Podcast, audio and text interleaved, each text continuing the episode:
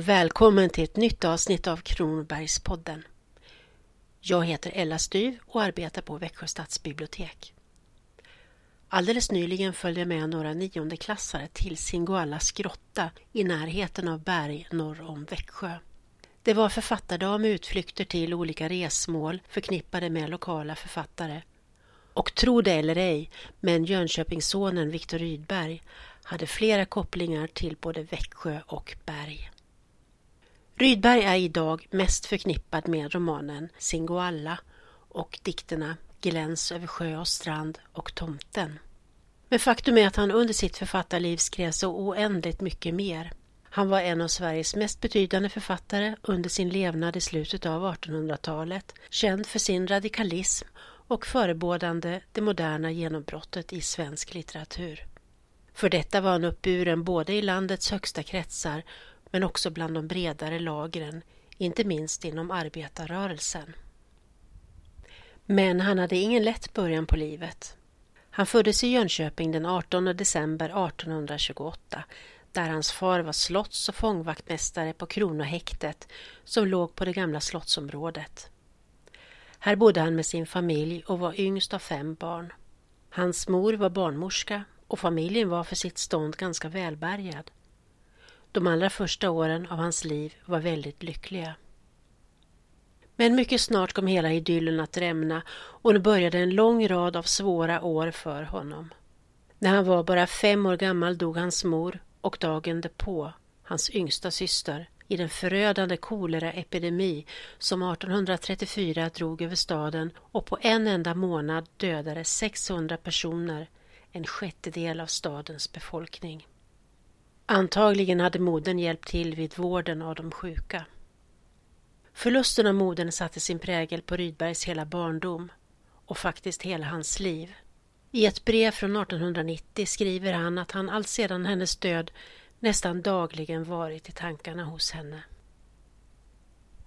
Rydbergs far bröts ner fullständigt av sorg och hypokondri, började dricka, vanvårdade hemmet och gick ner sig så pass att han hamnade på anstalt och fattigvården utakkorderade Viktor och två av hans systrar på olika platser i staden.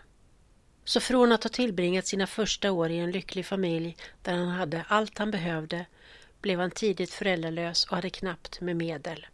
Han fick fyra olika fosterfamiljer. Hos någon for han illa och vantrivdes under flera år medan en fostermor blev som en verklig mor för honom och också var den som satte honom i skolan. Viktor var en god och flitig elev med gott läshuvud och stort intresse för litteratur. Latin var skolans viktigaste ämne. Redan eleverna i den förberedande klassen hade 12 timmar latin i veckan. Grunden lades med Håkan Sjögrens grammatik.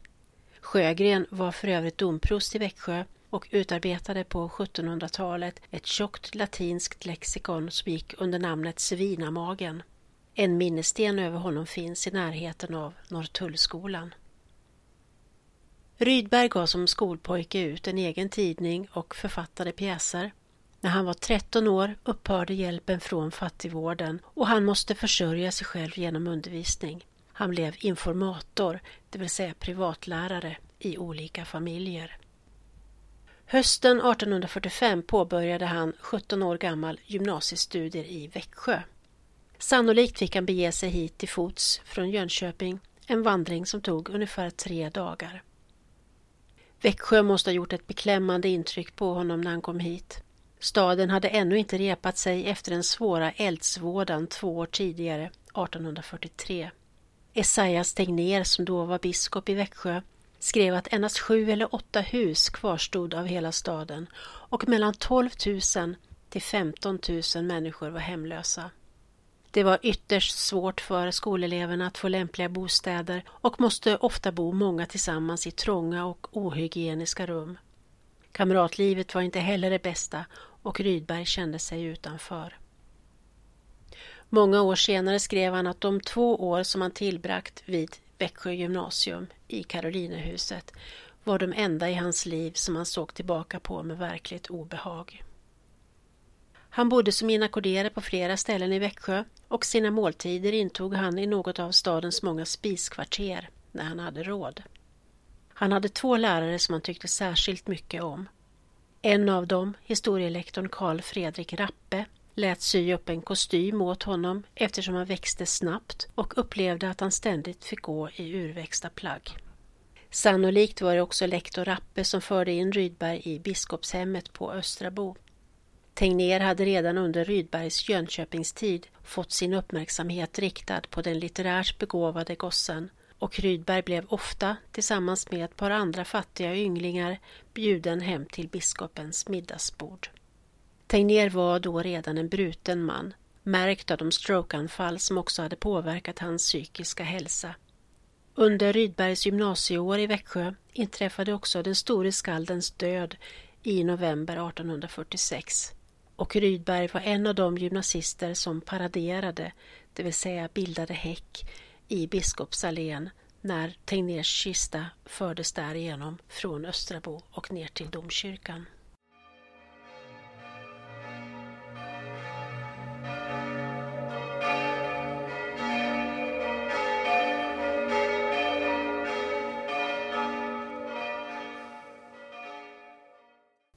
Rydberg hade inte samma framgång med studierna i Växjö som han haft i Jönköping. Dels berodde detta på de ständiga ekonomiska bekymren, dels på att han vantrivdes med skolan och kamraterna. Penalism och mobbning härskade. Något stipendium som han fått under Jönköpingstiden erhöll han inte, antagligen därför att han under vårterminen varit frånvarande flera timmar utan förfall. Även de båda följande terminerna är han antecknad för ogiltig frånvaro. Han hörde också till dem som kollektivt blev prickad genom sänkt uppförandebetyg. Rydbergs barndom i Jönköping var ju mörk på grund av moderns död genom koleran, faderns förfall, flera fosterhemsbyten, den stora eldsvådan i Jönköping året efter koleraepidemin samt fattigdom. Ändå såg han själv tillbaka på Jönköpingstiden som ljus att han gjorde det beror på att han ställde den i kontrast till gymnasieåren i Växjö. Penningbristen, mobbningen och vantrivseln i Växjö, han kallades fattiglappen av sina gemena klasskamrater, gjorde att han efter två år avbröt sina studier och flyttade tillbaka till Jönköping utan att ta examen. Men vilken anknytning och koppling till Berg hade han då? Jo, det går tillbaka till studieåren i Växjö och besöken på Östrabo hos biskop Esaias Tegnér. Där bodde sedan sju års ålder Ida Charpentier som var så gott som adopterad av biskopinnan. Idas far hade flyttat från Finland till Sverige och fått anställning vid Kronobergs regemente. Han bosatte sig på Bergs herrgård norr om Växjö, gifte sig och fick en stor barnaskara. Och när han blev enkeman tog biskopinnan hand om hans döttrar. Eftersom Viktor Rydberg var en fattig student i Växjö och behövde tjäna pengar för sitt uppehälle fick han erbjudande om att somrarna 1846 och 1847 i egenskap av informator bo just på Bergs herrgård som ägdes av Idas svåger, kammarherre Ferdinand Gyllensvärd som var gift med hennes syster Helen. Och så kom det sig att han där undervisade hennes två yngsta bröder. Helen var nio år äldre än Rydberg och också gift men antas ha varit förebild för Singoalla och en ungdomsförälskelse. Rydberg skriver i ett brev till Ida Charpentier om systern Helen att han ännu ser klart framför sig hennes själfulla blå ögon och sköna anletsdrag. Jag tyckte att hon var den vackraste dam jag någonsin sett och var alltid helt förbryllad i hennes närvaro. Rydberg var vid denna tid en spenslig, mager och svärmisk yngling, mycket omtyckt av familjen, men som mest gick för sig själv i de vackra omgivningarna kring sjön när han ej läste med gossarna eller skötte egna studier. Och från sitt rum på herrgården hade han en fantastisk utsikt över den vackra bergsjön, över holmen där enligt folktron ett gammalt kloster eller en gammal borg legat och över de trollska vikarna som var kantade av tät granskog. Den suggestiva naturen här uppe i det småländska höglandet grep starkt 17-åringen som ju var van vid det öppnare och ljusare landskapet runt Jönköping.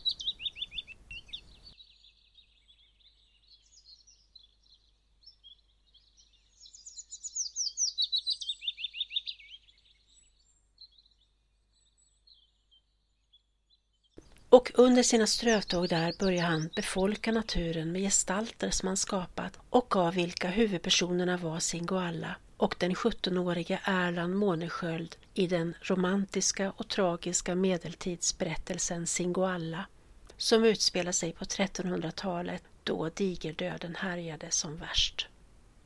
Det finns till och med en handritad kartskiss bevarad där man ser hur han har märkt ut zigenarlägret, grottan och bäcken där huvudpersonerna brukade mötas. Rydberg upplevde ju som barn hur koleran drog fram över Jönköping då när hans mor och ena syster dog. Han berättade senare som vuxen om den domedagsskräck som under de vindlösa, kvava, brännande augustidagar då farsoten drog fram var utbredd över staden. Och de starka intryck han då mottog använde han för att ge färg även åt skildringen av digerdöden i romanen Singoalla.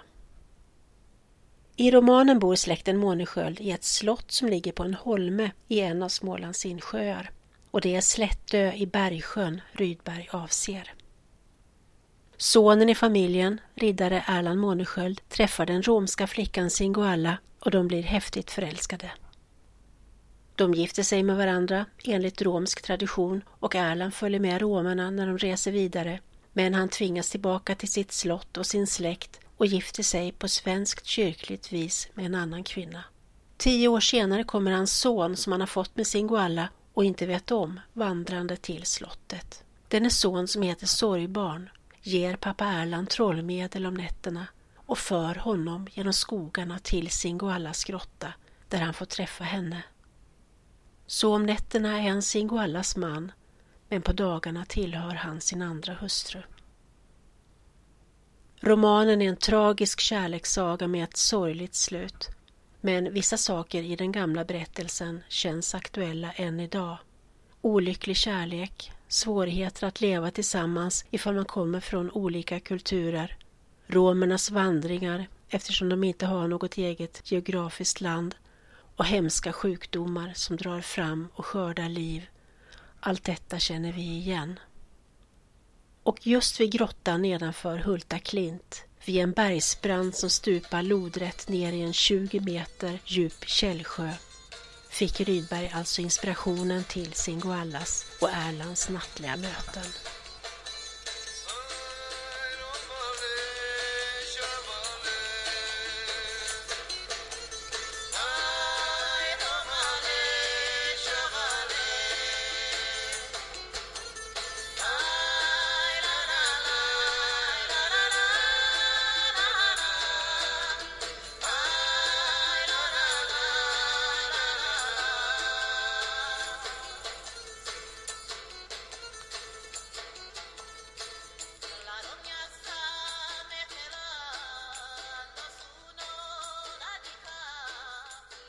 Rydberg var överhuvudtaget en person som använde det skrivna ordet som protest och pennan som vapen. Förutom att kritisera kyrkan och bland annat ifrågasätta Jesu gudomlighet och istället hävda att Jesus var en idealmänniska, en förebild och ett föredöme, men inte Gud. Så protesterade han i sina texter mot ryssarna i fråga om utrikespolitiska spörsmål, mot Krimkriget, han stred för kvinnors och barns rättigheter, uttryckte kritik av kapitalismen och industrialismen och dess rovdrift på barnarbetare. Han skrev om Buddha och Jesus, om Leonardo da Vinci, om antikens historia och konsthistoria, om nakenhet och klädesätt och mycket annat. När han avled i september 1895 följdes han till graven av tiotusentals sörjande. En stor diktarsjäl hade slocknat, även om han lever vidare i sina verk, alla väl värda att läsa. Men under några år i ungdomen var han Växjöbo, om än högst motvilligt. Med fantasins hjälp kan man följa i hans spår och försöka närma sig honom genom tidens spann. Och på vissa platser känns det verkligen inte alls svårt att göra det. Singoallas grotta är ett sådant ställe där förtrollning, vemod och längtan växlar med naturens skönhet och vildhet på ett sådant sätt att man kan suggerera sig till att känna att hans ande tidlöst dröjer sig kvar där.